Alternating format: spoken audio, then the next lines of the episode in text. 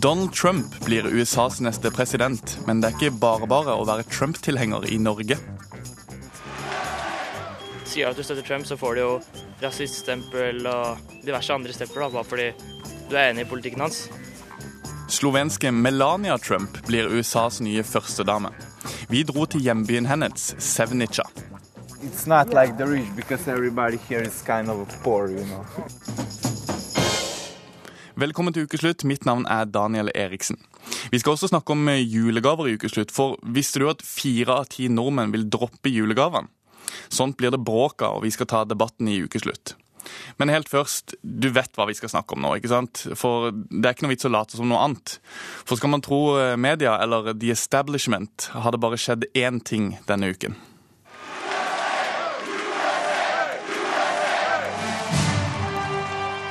Det var dette vi nordmenn våknet opp til onsdag morgen. På valgvaken til Donald Trump var det full fest. Det alle hadde sagt at det ikke kunne skje, skjedde likevel. Ours was not a campaign, but rather an incredible and great movement. Finansmogulen og tabloidyndlingen var blitt valgt til verdens mektigste mann. Amerikanerne hadde valgt sin nye seiersherre, erklærte påtroppende visepresident Mike Pence. The American people have spoken, and the American people have elected their new champion. Men amerikanerne var delt. Langt fra alle ønsket The Donald som sin president. Så det her er en sånn Donald Trump paid for by Donald J. Trump for president. I en leilighet i Oslo løfter rektor ved Høgskolen i Oslo og Akershus, Kurt Rice, opp en rest av tirsdagens valgvake. Det er et rødt skilt med skriften 'Trump make America great again'. Det har jeg tenkt å bruke sånn at folk kan, folk kan tørke av seg skoene når de kommer inn fra balkongen der. Så det, det har fått den eh, hedersplassen der, at vi alle kan gå på den på vei inn og gjøre det litt sånn Markere med det det som vi mener om Donald Trump. Rice er sjøl født og oppvokst i USA. Men de siste 20 årene har han bodd i Norge. For ham var onsdag morgen helt uvirkelig. Jeg hadde vært på valgvake nå i natt og dro sånn i ett-tida. I den troen at det her kom til å være litt tett, men til slutt at det skulle gå bra. Og så, um, og så våkna jeg i sekstida, og så tok jeg telefonen, og der så jeg den nyheten. Og så tenkte jeg dette kan ikke stemme. Og det var ikke sånn som vi hadde tenkt det skulle bli. Som Hillary-tilhenger er Rice skuffet, men også bekymret. I løpet av valgkampen har den nyvalgte presidenten kommet med en rekke løfter som folk nå lurer på om virkelig kan bli innfridd. Et av dem gikk ut på å forby alle muslimer innreise i USA. Total and complete shutdown of Muslims entering the United States until our country's representatives can figure out what the hell is going on. Altså, han er en type leder som leder ved å eh, sette folk og folkegrupper opp mot hverandre. Og det, det, det syns jeg er så ubehagelig. Så jeg kjenner på et ubehag, jeg kjenner på bekymringer, jeg kjenner på fortvilelse. Ja.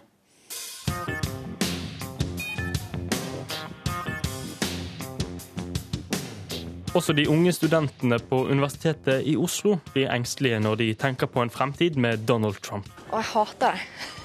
Hvorfor det? Jeg er så redd. Jeg ble faktisk liggende i sengen en halvtime ekstra. Nei, jeg syns det var veldig overraskende. Jeg var litt smådeprimert. Blir du stressa av tanken på at han nå er verdens mektigste mann? Ja, jeg blir jo det.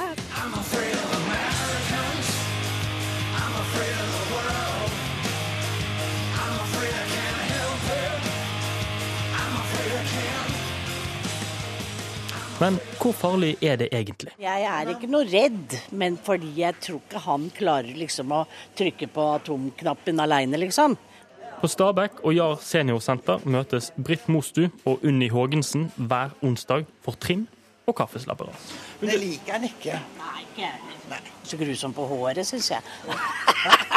det kan du bare sløyfe og si. Ja, han har sånn hentesveis. De to damene husker selv da skuespilleren Ronald Reagan ble valgt til president midt under den kalde krigen. Også da var folk bekymret, men det gikk bra. De tror at også Trump må moderere seg, og at apparatet rundt vil holde ham i ørene. Han har jo mange medarbeidere, ikke sant? Så han sitter jo ikke der alene og bestemmer. Du så uh, talen hans. Nå så, så, viste han jo en annen side, og, og han, han er jo en veloppdragen fyr når han kan. Da Hillary Clinton holdt sin tale onsdag ettermiddag, var det flere i publikum som gråt da hun konkluderte med at glasstaket, altså den usynlige sperren for likestilling, enda ikke var blitt knust. I know we have still not shattered that highest and hardest glass ceiling, but someday someone will, and hopefully sooner than we might think right now. Også Unni og Britt er skuffet over at USA ennå ikke har fått sin Gro Harlem Brundtland. Jeg ville hatt frem en kvinne. Ja, det jeg er enig med deg. Jeg ville også hatt det, altså. Det er mange som er redd for henne. Det sa de om Gro her også. Første året hun var. Det er Tror ikke de er voksne nok for det. Tilbake i leiligheten til Kurt Rice logger han seg inn på det sosiale mediet Twitter. Så hadde jeg lagt ut her eh, en tweet om hvem er det på HiOA som har undervisning klokken 14 i dag. Jeg har et desperat behov for å henge med studenter og tenke på noe annet. Fortsatt er rektoren skuffet. Det er også mange av vennene hjemme i USA. Jeg vet ikke hvor mange har skrevet i dag og spurt hvordan, hvordan får jeg til å flytte til Norge. Hva er reglene rundt det? Kan jeg søke politisk asyl og, og sånt? Og det er, det er fortvilelse og eh, Altså, folk forstår ikke at dette har skjedd. Rapporter her var Jaran Mikkelsen. Og vi skal selvfølgelig snakke om presidentvalget. Jeg har fått besøk i Ukesluttstudio av tre mennesker som absolutt ikke er UXA-eksperter. Det er kanskje ikke så mange som vil være det denne etter denne uka her. Men velkommen til dere, jetsetter og misdronning Ingeborg Sørensen. Eh, kommentator og overlykkelig republikaner Austin Rasmussen. Og nordlending som fortsatt elsker USA, Egon Holstad. Kan dere si hei, alle sammen? Hallo. Hei og hallo. Veldig hyggelig. Kan jeg bare begynne helt først med å spørre, Hvor var dere da dere fikk beskjeden om at Donald Trump ble USAs neste president, og hvordan reagerte du? Ingeborg, kan du begynne helt først? Jeg lå ganske utslitt på sofaen. Jeg har ikke sovet Jeg var jo våken hele natten. Jeg, du fulgte med hele natten? Ja. Hele natten. Jeg mistet ikke et øyeblikk. Og det var jo veldig spennende, da, fordi jeg har jo egentlig en liten fot i begge to.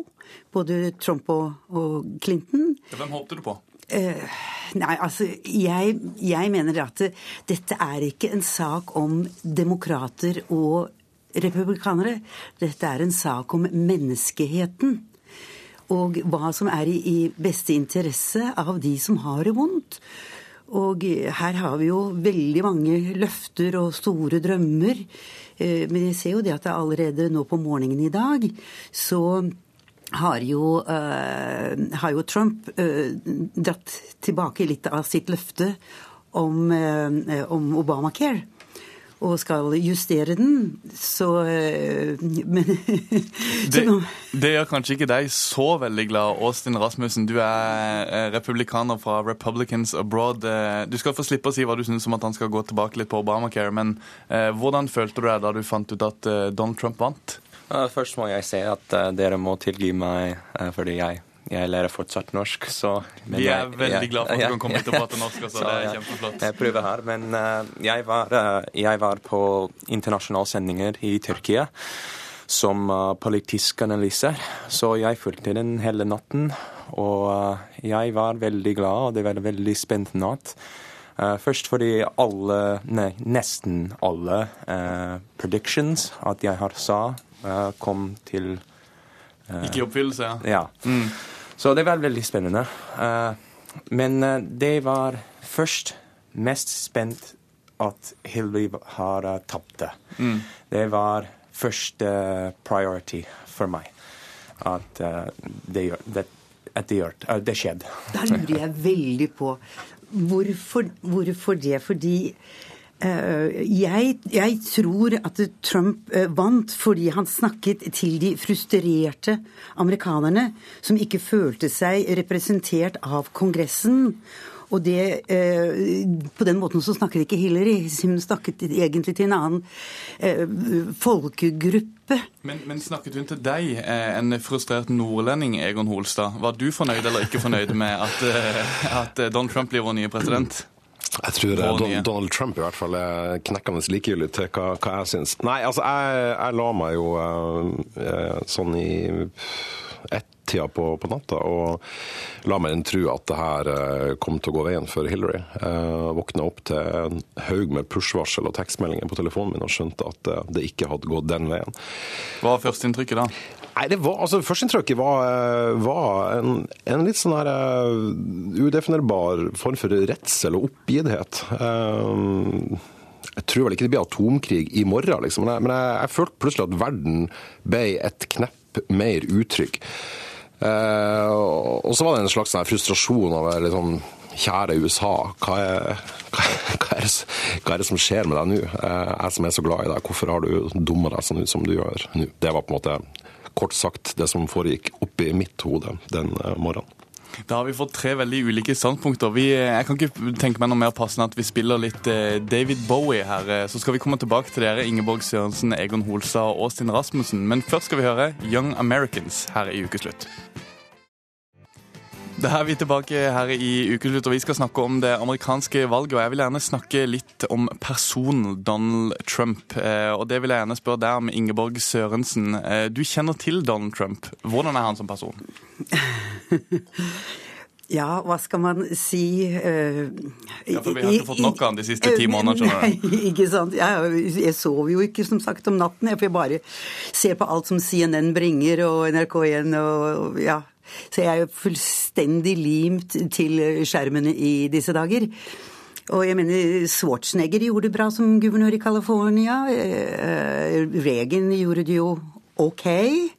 Men Donald Trump, Men, du, har, du, har, jo venner som, som har vært venner med, eh, med, Donald Trump. Ja, og som, eh, som fjernet sitt vennskap fra han fordi de ønsket ikke å bli associated med han i selskaper. For ja, hva skal man si? Han er en, en mann som elsker kvinner.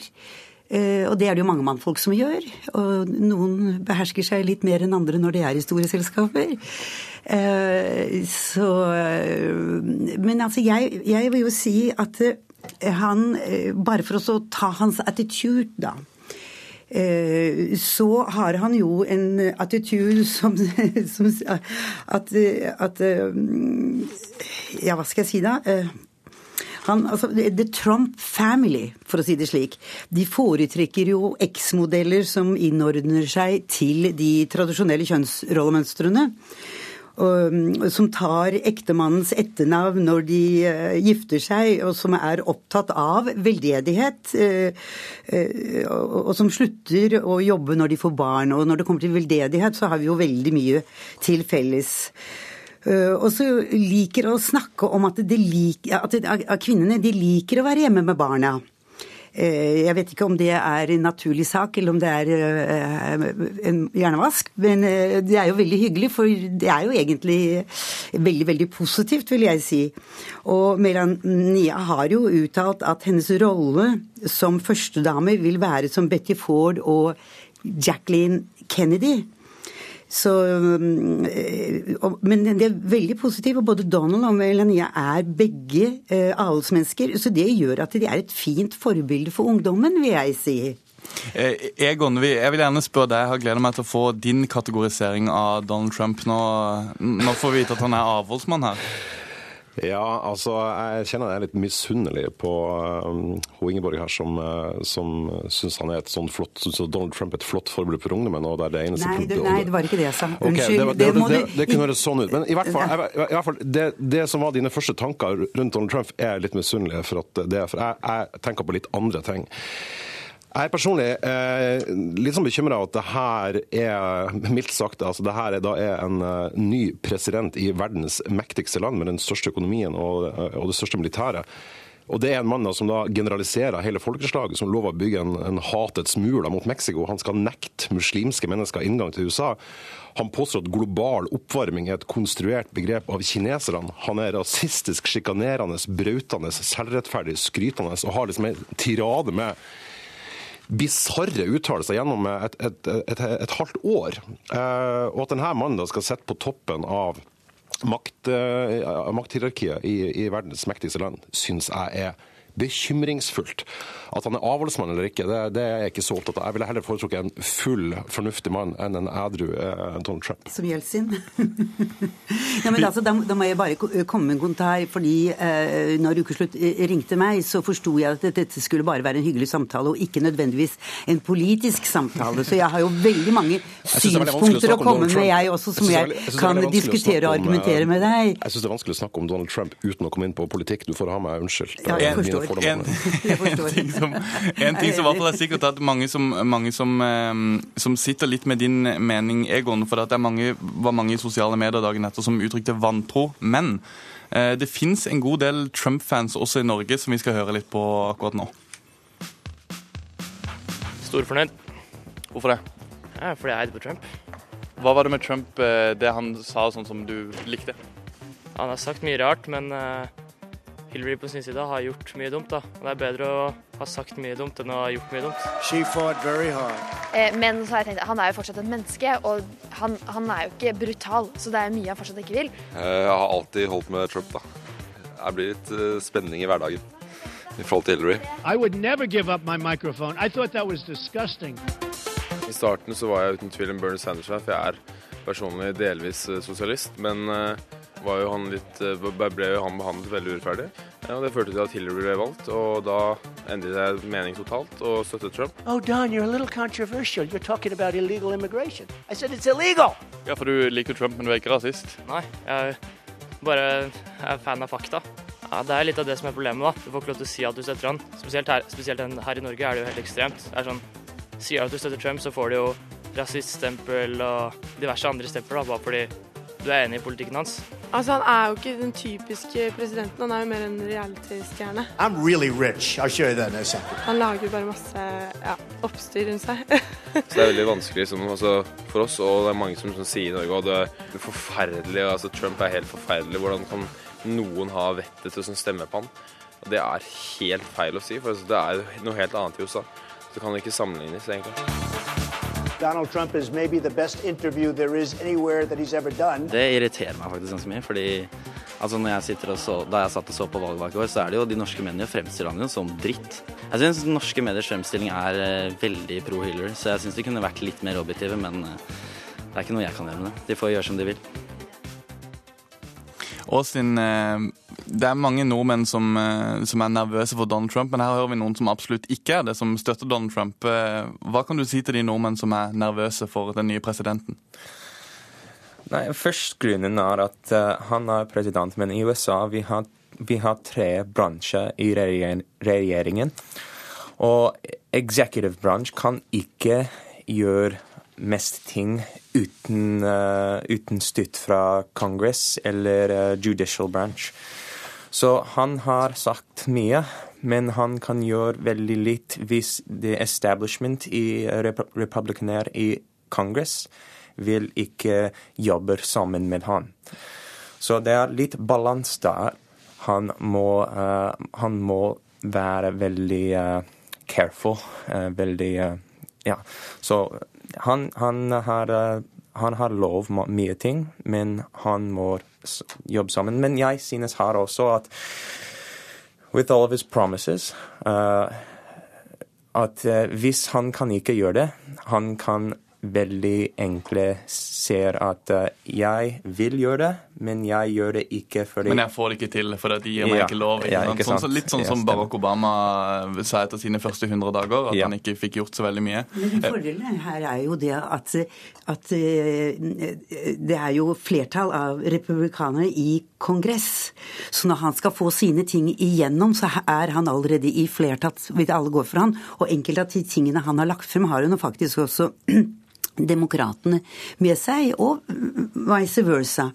Men, men jeg syns det er viktig at Obama da, var jo demokratene også i mindretall i Congress. Så han stanget jo hodet i veggen på mange av sine veldig gode ideer som han egentlig burde ha fått igjennom. Så Trump får det enklere enn Obama fikk det? Det ville jeg Jeg vet jo ikke, jeg, jeg, jeg er ikke synsk, men jeg vil jo tro det i og med at, at republikanerne er i flertall både i Senatet og i Kongress. Nei, jeg, jeg vil si her at hvis Trump er ikke forsiktig The establishments på begge sider, demokratene og republikanerne, de hele tiden de vil uh, lette etter en grunn til å uh, impeach Ja. han, eller, eller uh, har en annen til å uh, run against him i, i, uh, i uh, 2020. Takk og pris. Så han må, han må holde seg i skinnet. Eh, Egon gjør det der litt mer rolig. at han, han må jo roe seg litt ned her. Jeg syns jo det er veldig spesielt å, eh, å påpeke flertallet i Senatet og Kongressen som, et som en betryggende faktor når det gjelder Donald Trump. Jeg hadde følt meg betydelig tryggere hvis han var i, hvis han var i, i mindretall, men der er, der er vi åpenbart også jeg, jeg, veldig, jeg veldig mener ikke betryggende, men han har større sjanser til å få gjennom sine ting. Nettopp, og det er akkurat det jeg er bekymra for. Ja, ja, ja. Den, den, den, den altså, ser vi. men, altså, sånn, det, altså, det, det, det, er sånn, det, det, vi, det, vi ikke må glemme her, uh, hvis vi ser det her fra, fra Norge Nå er verken jeg stemmerett eller noe, vi, og jeg er norsk og ikke amerikaner. Uh, men når jeg ser det her utenfra, og ser hvilke grupperinger for eksempel, i Norge som, som, som støtter Donald Trump, så er jo det liksom den ytre høyre fløy av Fremskrittspartiet og lenger til høyre. Og i USA så har du da liksom for første gang Ku Klux Klan poppa opp fra bakken igjen og, og oppfordra folk til å, til å støtte og stemme på, på Donald Trump.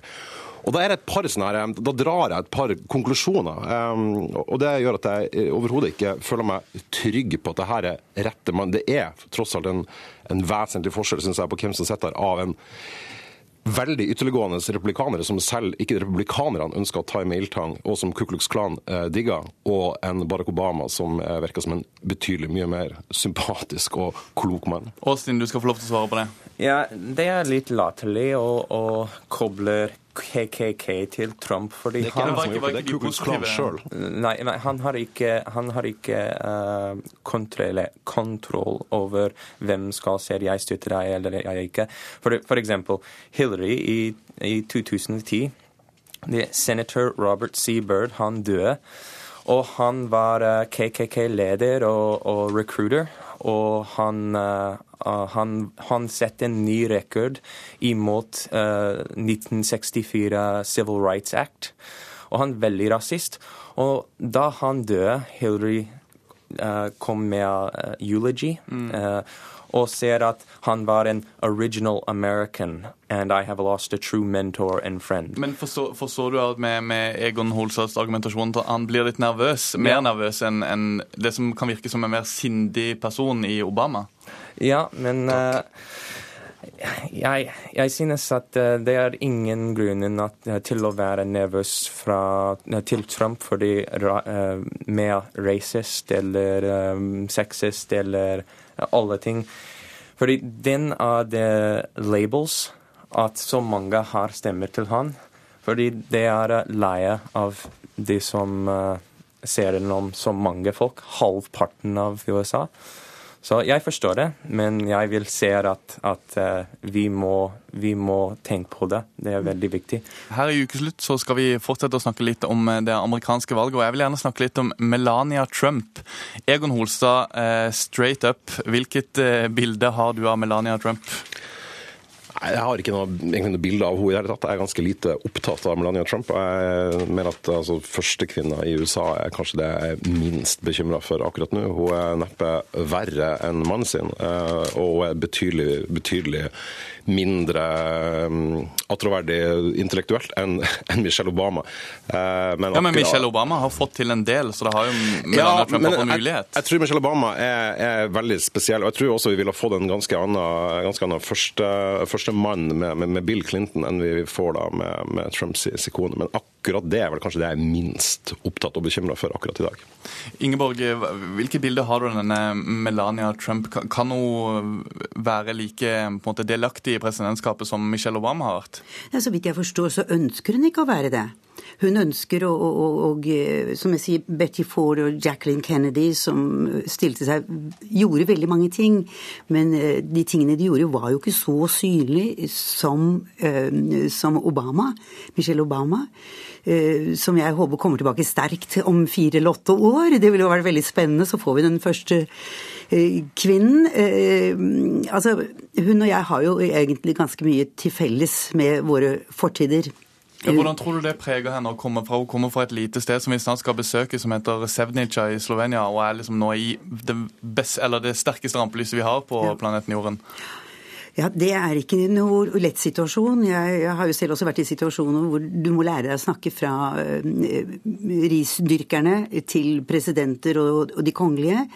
Eh, og jeg ville tro at hun er en ganske oppegående eh, kvinne som driver sin egen business innen skjønnhetsbransjen. Hun snakker fem språk. Eh, jeg, jeg, tror hun er kvalifisert. Hvis hennes mann lar henne komme til, så tror jeg hun er ganske kvalifisert. Åstin, hva, hva ønsker du deg fra førstedamen? Ja, jeg har ikke tenkt så mye om hun, men jeg, jeg, jeg håper at hun kan være litt mer tradisjonell, uh, tradisjonist uh, uh, førstedame. Og at hun kan gjøre, en, gjøre en god bilde til yngre kvinner rundt, rundt USA.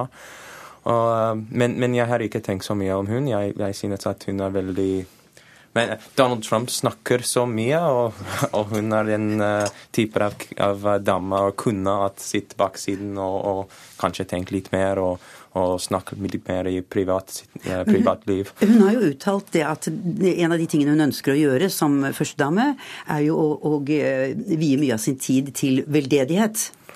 Og der føler jeg meg hjemme. Der, vi skal bli litt bedre kjent med denne Melania Trump. Eh, hun er født Melania Knavs og skal bli USAs førstedame. Og i hjembyen hennes Sevnica var det fest da Trump vant valget.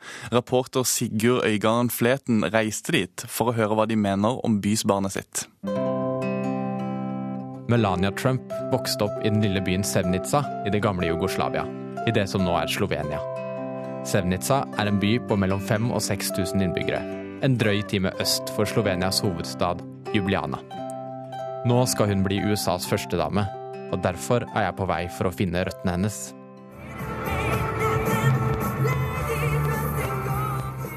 På radioen setter programlederen på en låt til Melanias ære.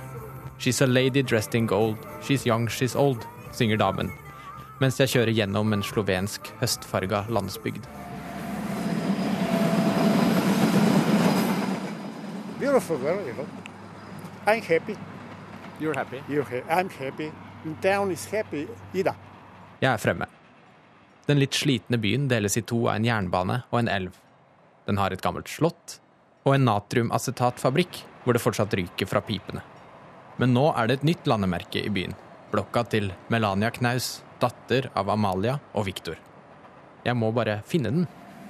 Jeg prøver turistkontoret. Der treffer jeg Moitza Schwiegel. Hun kjente Melania da hun var liten, og sier at folk i byen er glade for det som har skjedd.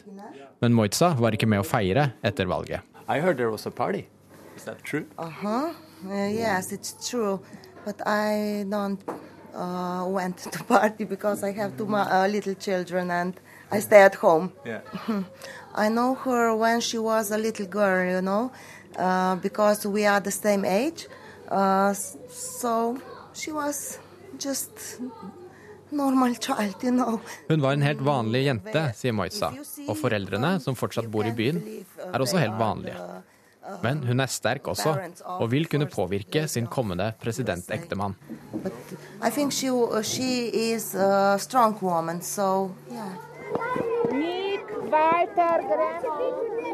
Jeg får tips om å dra til Melania sin barneskole.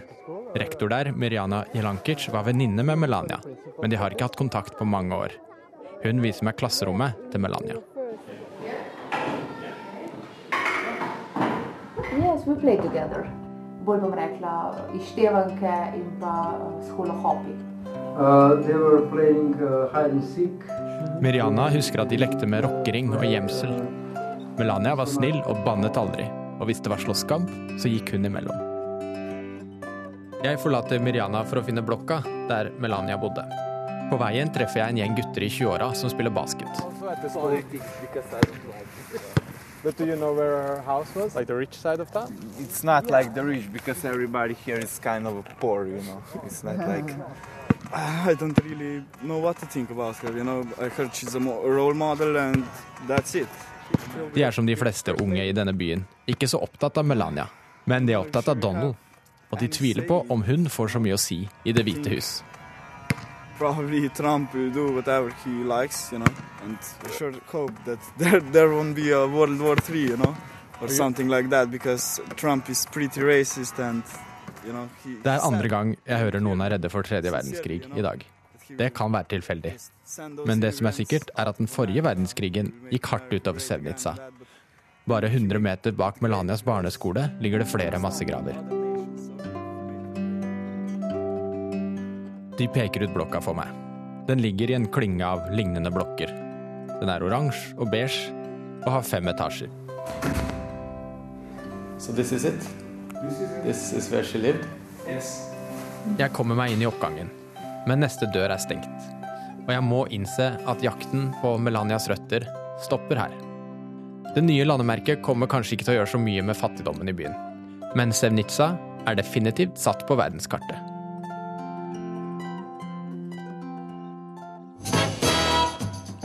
Lysene er tent utenfor konsertscenen Bataclan, som ble rammet av terror for ett år siden.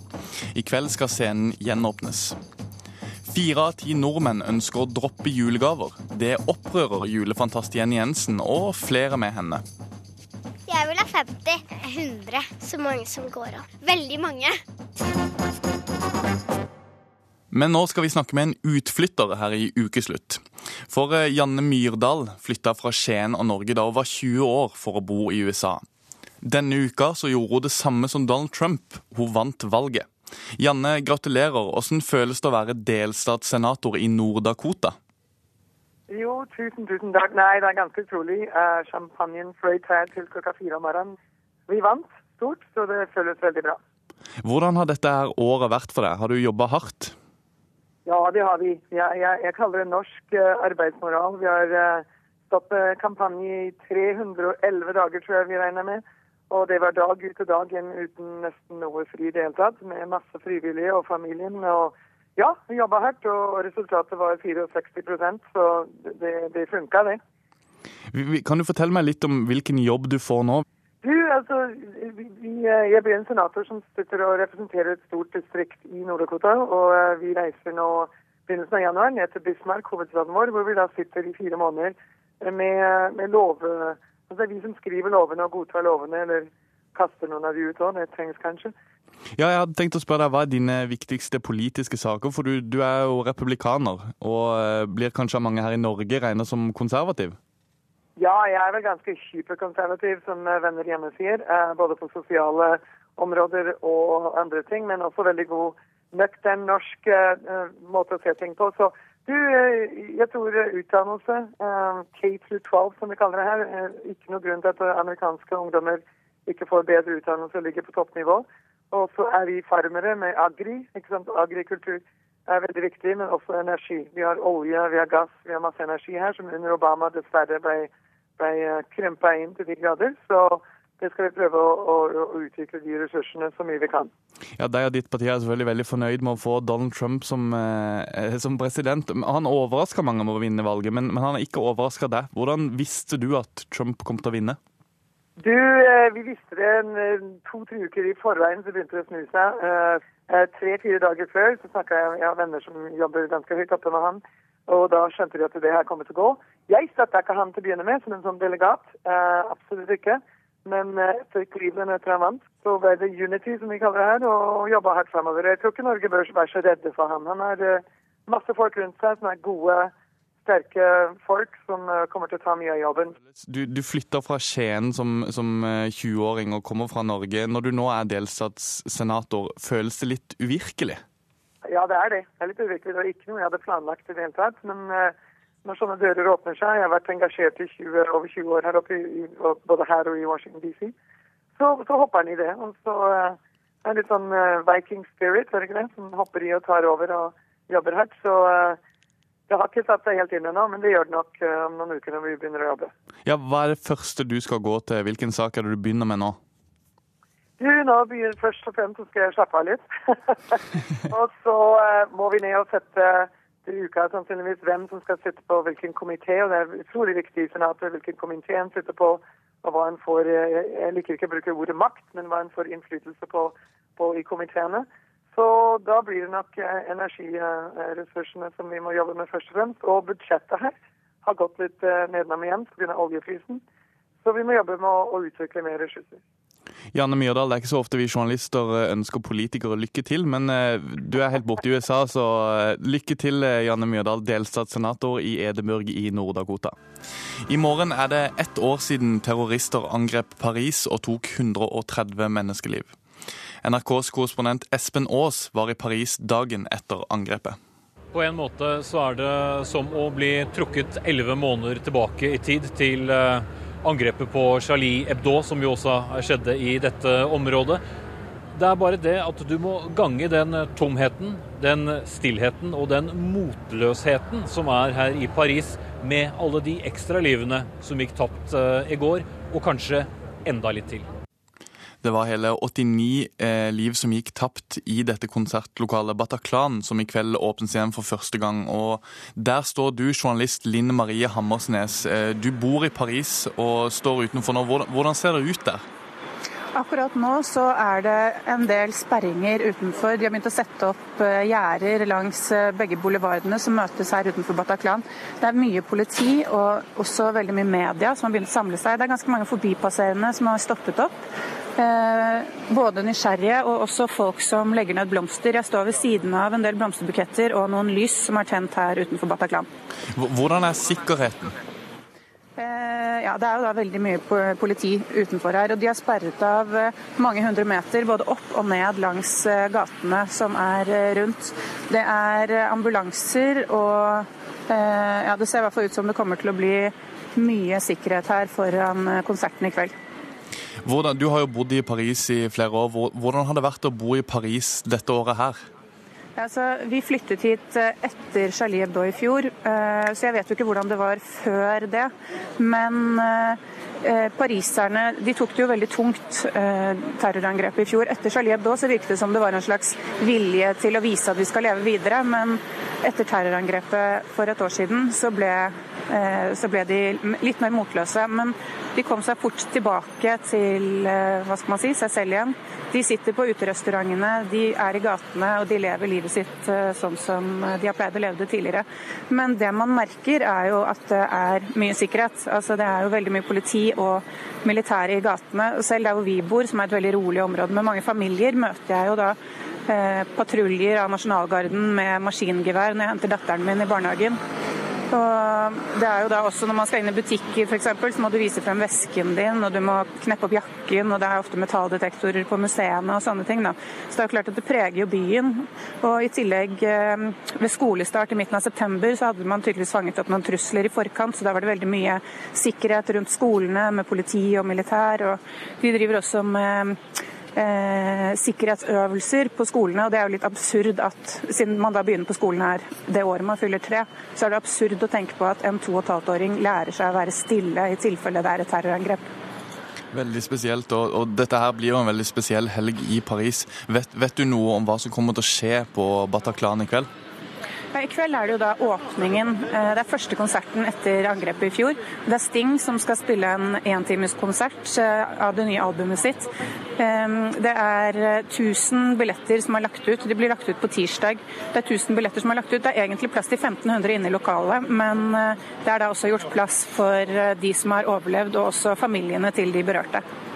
Ja, Er det utsolgt? Kommer det til å bli fullt? Det regner jeg vel kanskje med, nesten? Ja, Som sagt så ble billettene lagt ut på tirsdag, og etter en halvtime var alle borte. Så det blir Ja, det var veldig ettertraktede billetter, da, kan man si. Tusen takk til deg, Linn Marie Hammernes i Paris. Hva er det gøyeste med jul? Å få gaver og spise julemiddag. Hvor mange gaver syns dere at man skal få? Jeg vil ha 50. 50? Hva med det? 100. Så mange som går an. Veldig mange. Universet. Det er noen, det er noen som sier at uh, det, vi gir for mye julegaver, at det er for mange gaver. Hva syns dere om det? Eh, det tror jeg ikke noe på. Det er ikke bra. Det er ikke sant. Og jeg bare ber om unnskyldning helt først. Det er ikke for å stresse dere, altså. Vi i Ukeslutt er fullstendig klar over at det er lenge til jul.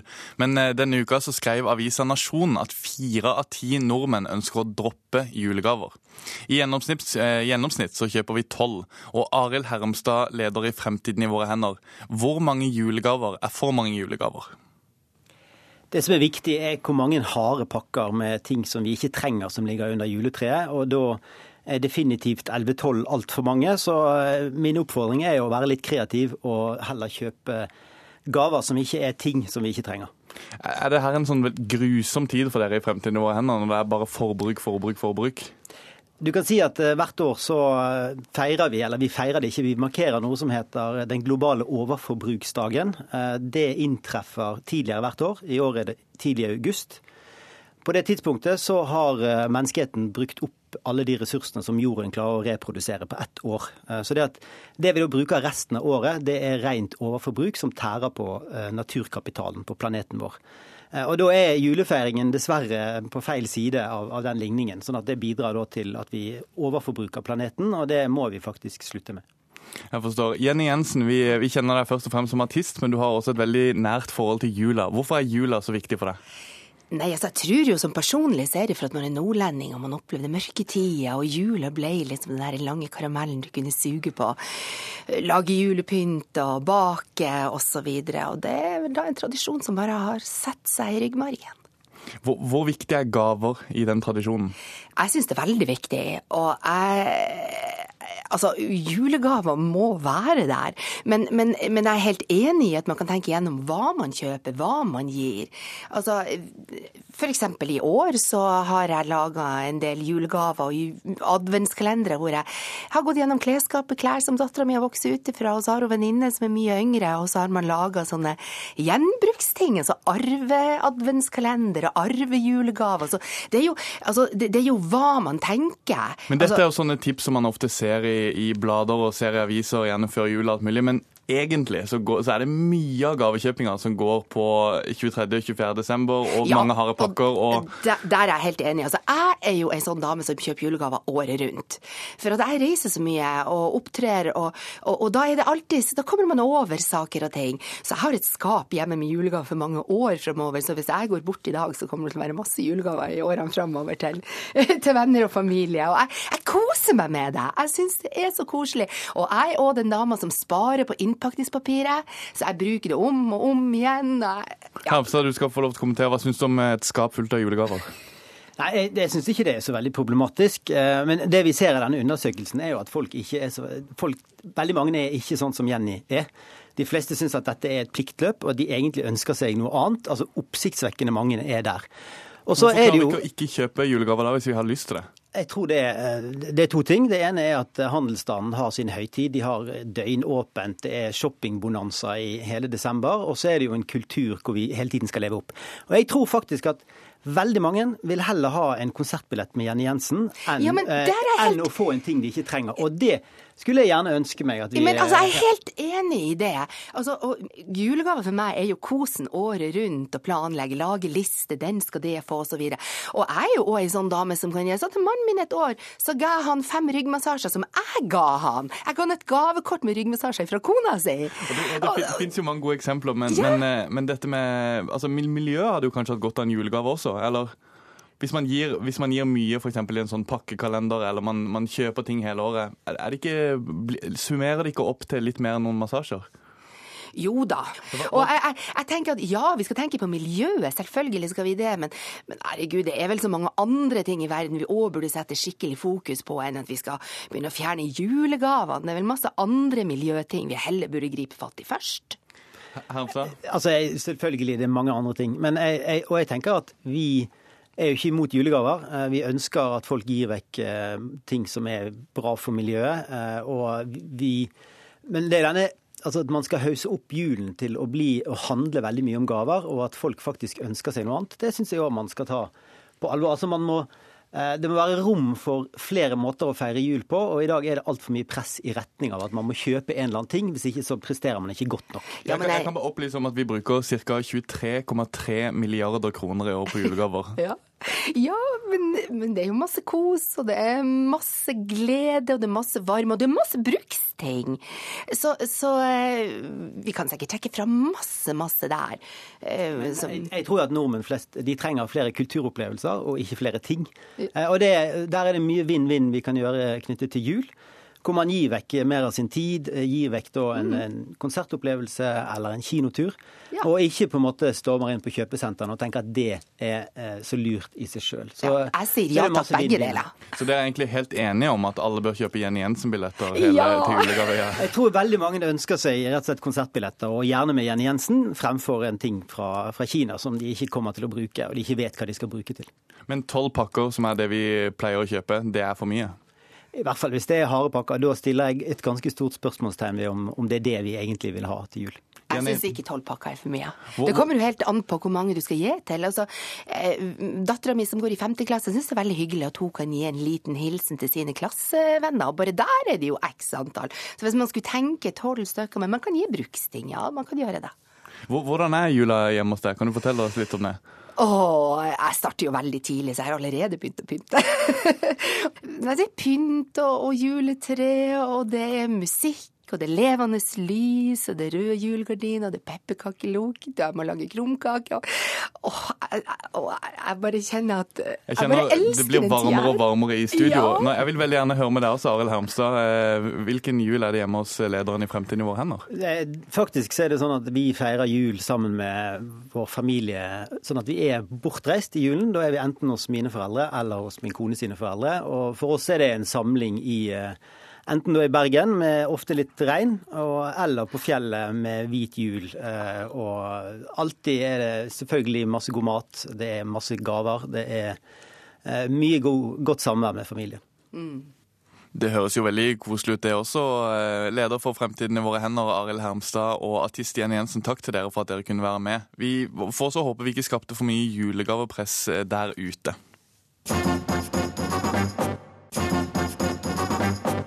Men nå skal vi ha værmelding her i ukeslutt. Jeg har fått besøk av eh, meteorolog Bente Wahl. Jeg vil først spørre, for eh, På mandag er det et fenomen jeg har gleda meg litt til. En supermåned supermåne som skal være mye større enn en vanlig måne. Blir det overskya på mandag? Ja, For oss her i Oslo blir det i hvert fall det, og det blir nok det i store deler av landet. Det er nok ikke veldig mange som får se den. Nå er det jo ikke sånn at den kommer bare på mandag. Den er jo ganske stor i natt også, går jeg ut fra, og tirsdag også, for den går jo sakte opp og sakte ned. Men uh, det er nok ikke veldig mange som får se den. Størst sjanse tror jeg faktisk det er i Finnmark totalt sett. Da får prøve å gå ut og se den i dag, for det her er altså det, det største månen har vært siden 1948. Og den blir ikke så stor eh, før 2034 igjen. Så kom dere ut og se på månen i kveld. Men nå vil jeg gjerne høre hvilket vær vi får eh, i dag og i morgen. Ja, og da kan vi egentlig starte på Spitsbergen. Der eh, blåser det østlig, morgen sørøstlig opp i en frisk bris. Eh, litt grann sludd og snø, vesentlig sør og øst. Men eh, mest oppholdsvær blir det nok i områdene rundt Longyearbyen. I Nord-Norge der blir det for det meste sørvest vind med opp i en liten kuling på kysten. I morgen opp i stiv kuling. Og litt regn av og til i Nordland og Troms. Fortsatt opphold og mye pent vær i Finnmark i dag, men i morgen så kan vi få litt regn også der i ytre strøk. Men eh, så blir det forbigående opphold igjen på Helgeland i kveld. Det er nok mulighet for sola også å titte litt fram innimellom, eh, og det ventes ikke noen store nedbørmengder noe sted. I Sør-Norge så er det nå nedbør på vei inn på Vestlandet og Sørlandet, og det blåser en sørlig stiv kuling på kysten og i fjellet. Sterk kuling fra Bergen til Stad. Og denne nedbøren og skyene de skal trekke innover Østlandet og nord til Trøndelag i kveld og i natt, men eh, det blir nok forholdsvis beskjedne mengder her. Men eh, det kan være mulighet for at regn kan fryse på bakken på deler av Østlandet og indre deler av Agder og Telemark, og det kan gjøre at det blir glatt, selv om det bare er små mengder nedbør. Og I morgen så minker vind og nedbør. Det henger nok igjen litt først på dagen på Vestlandet sør for, Stat, eh, Vestlandet sør for Sognefjorden og i Agder. Men etter hvert så blir det opphold og en del sol, i hvert fall nord på Østlandet og i Møre og Romsdal og Trøndelag. Mens særlig sørlig Østlandet, Agder og Telemark vi får nok en del skyer og stedvis tåke mye av dagen. Eh, nå er det allerede blitt eh, mildere på Vestlandet, men i morgen så blir det nok atskillig mildere også på Østlandet og lengst nord i landet. For eh, Oslo er fortsatt minus fire, men i løpet av kvelden så er det nok på plussiden her også. Er det sånn at vi kan offisielt erklære vinteren for åpnet? Det kan vi, men nå har vi hatt veldig vinter hittil i november. Nå blir det nok litt mildere en uke framover, med litt mer sånn vanlig høstvær som vi er vant til. Så det blir ikke fullt så vinterlig i uka som kommer. Da er det én uke til å bestille og hente inn ved, for at er det noe som er så er det bare ved i 20 minus. Det var det vi hadde i Ukeslutt i dag. Ansvarlig for denne sendingen heter Camilla Skarra. Teknisk ansvarlig heter Hans Ole Hummelvold, og jeg heter Daniel Eriksen.